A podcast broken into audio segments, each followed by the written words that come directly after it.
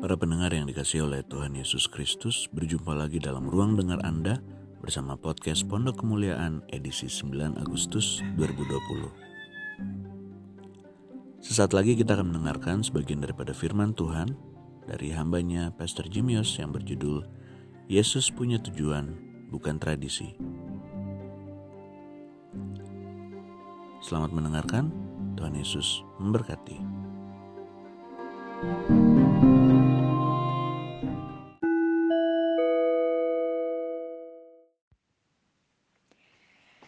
Kita akan uh, ini renungkan firman minggu ini dari Matius 9 ayat 9 sampai 13. Panggilan Matius. Setelah Yesus pergi dari situ, ia melihat seorang yang bernama Matius duduk di rumah kumpul pajak. Lalu ia berkata kepadanya, "Ikutlah aku." Maka berdiri, berdirilah Matius lalu mengikut Yesus. Kemudian ketika Yesus makan di rumah Matius, datanglah banyak uh, orang yang kumpul pajak dan orang berdosa yang makan bersama-sama dengan dia dan murid-muridnya. Pada waktu orang Farisi melihat hal itu, berkatalah mereka kepada murid-murid Yesus, "Mengapa gurumu makan bersama-sama dengan orang kumpul pajak dan orang berdosa?" Yesus mendengar hal itu dan berkata, bukan orang sehat yang memerlukan dokter, tetapi orang sakit. Jadi pergilah dan pelajari arti firman ini. Yang ku kehendaki ialah belas kasihan dan bukan persembahan.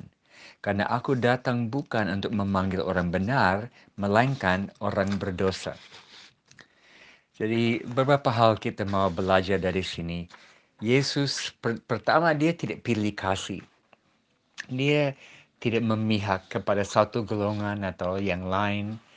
Uh, pelayanan Yesus ditandai dengan kepedulian terhadap semua orang dalam kondisinya seperti minggu lalu kita belajar dia buat mujizat bagi orang sederhana, orang kampung yang perlu anggur di pesta pernikahan. Dan Yesus buat banyak mujizat dan tanda ajaib. Tapi uh, tidak semua orang di masyarakat yang suka. Seharusnya orang lihat mujizat dia suka. Dia senang.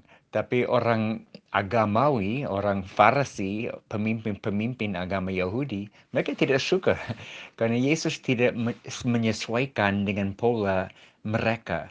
Yesus tidak menghormati posisi pemimpin agama Yahudi.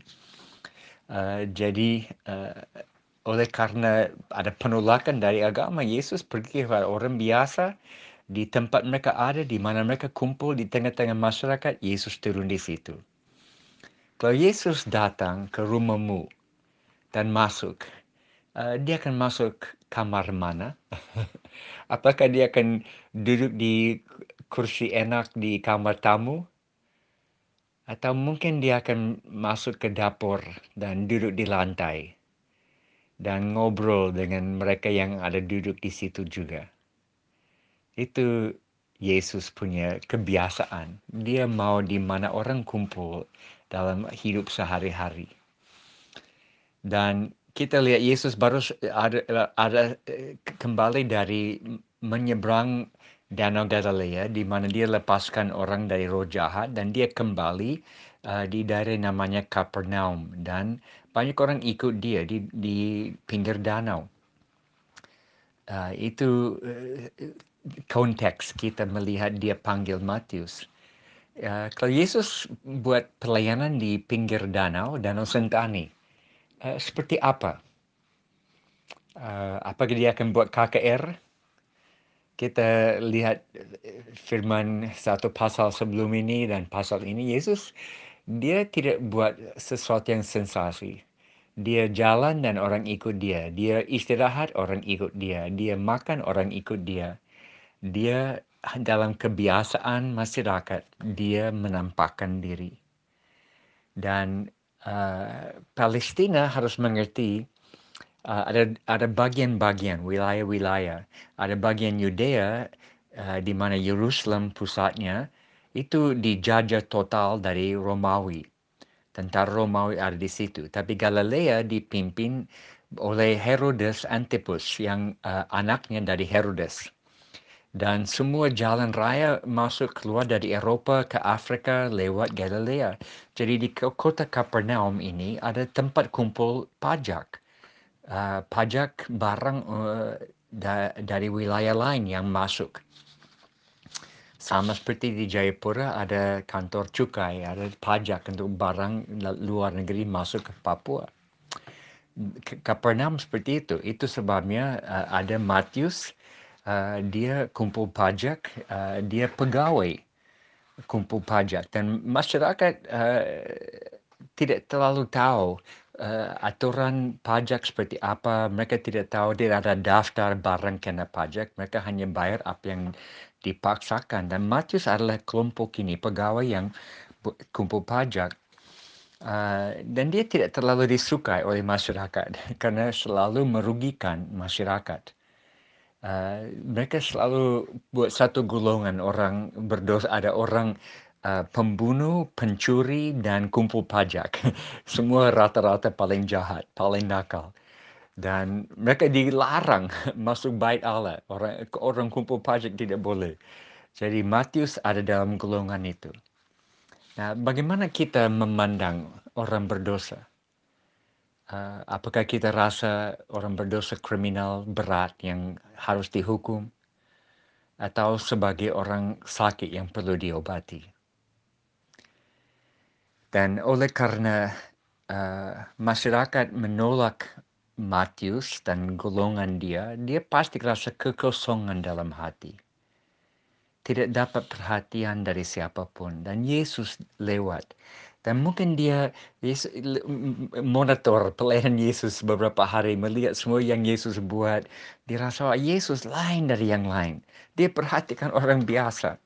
Dan waktu satu hari Yesus lewat, dia hanya ungkapkan dua kata. Ikutlah aku. Dan Matius tinggalkan semua dan ikut Yesus. Nah, di antara semua murid yang ikut Yesus, mungkin Matius yang kehilangan paling banyak dengan keputusan mau mau ikut Yesus. Uh, Petrus, Yohanes, Yakobus, mereka nelayan. mereka tinggalkan perahu, tapi nanti kalau mereka mau kembali pancing ikan, bisa.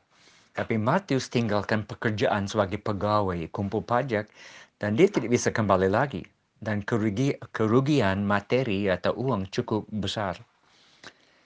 Nah, walaupun Matius rugi banyak, keenakan dalam hidupnya, ada dua hal yang dia untung. Satu, dia untung hati yang bersih. Hati nurani yang tidak bisa tuduh lagi.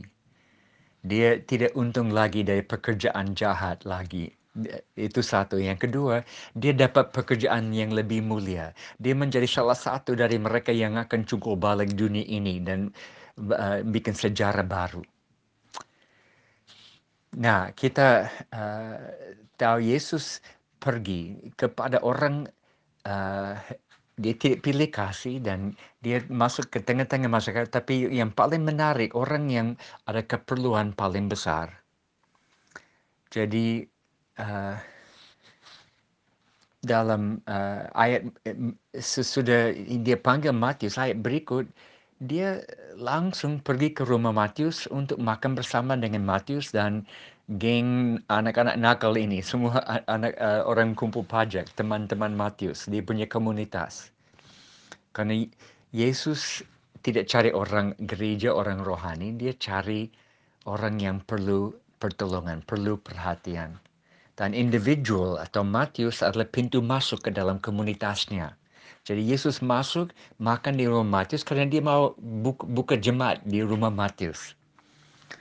Uh, dan ada rombongan gereja datang, orang Parsi. Dan mereka mengeluh, kenapa Yesus mau gaul dengan anak-anak nakal ini? Dan Yesus jawab, ini masyarakat saya. Orang sehat tidak perlu dokter, tapi orang yang sakit yang perlu. Dan Yesus bilang dia datang untuk cari yang hilang. Dan uh, itu sebabnya di jemaat kita Pokem uh, selalu kita tidak mau putar-putar orang Kristen, bikin Kristen lebih Kristen.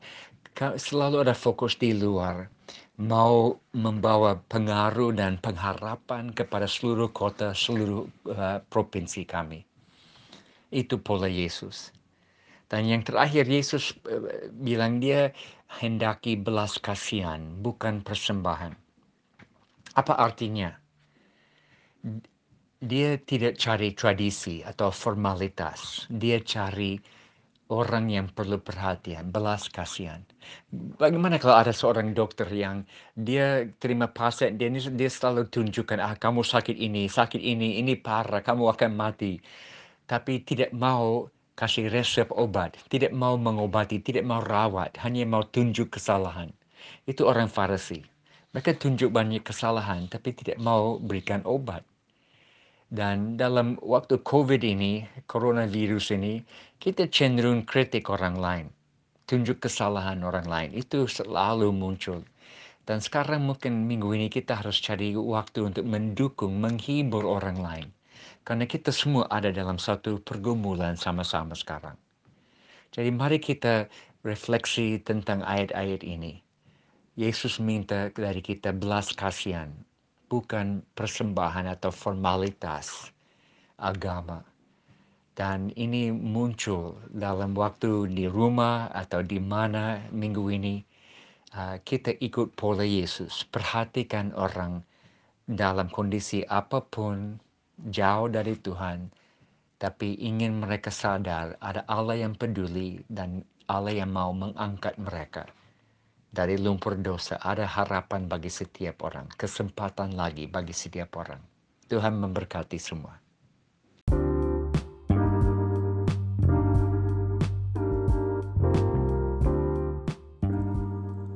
Para pendengar yang Tuhan Yesus kasihi, baru saja kita mendengar renungan dari Pastor Jim Yost. Kiranya renungan tersebut menjadi berkat dan kekuatan bagi kita dalam menjalani kehidupan kita sehari-hari. Jangan lupa ikuti sosial media kami di Instagram di @pokem Sampai berjumpa di podcast berikutnya. Tuhan Yesus memberkati.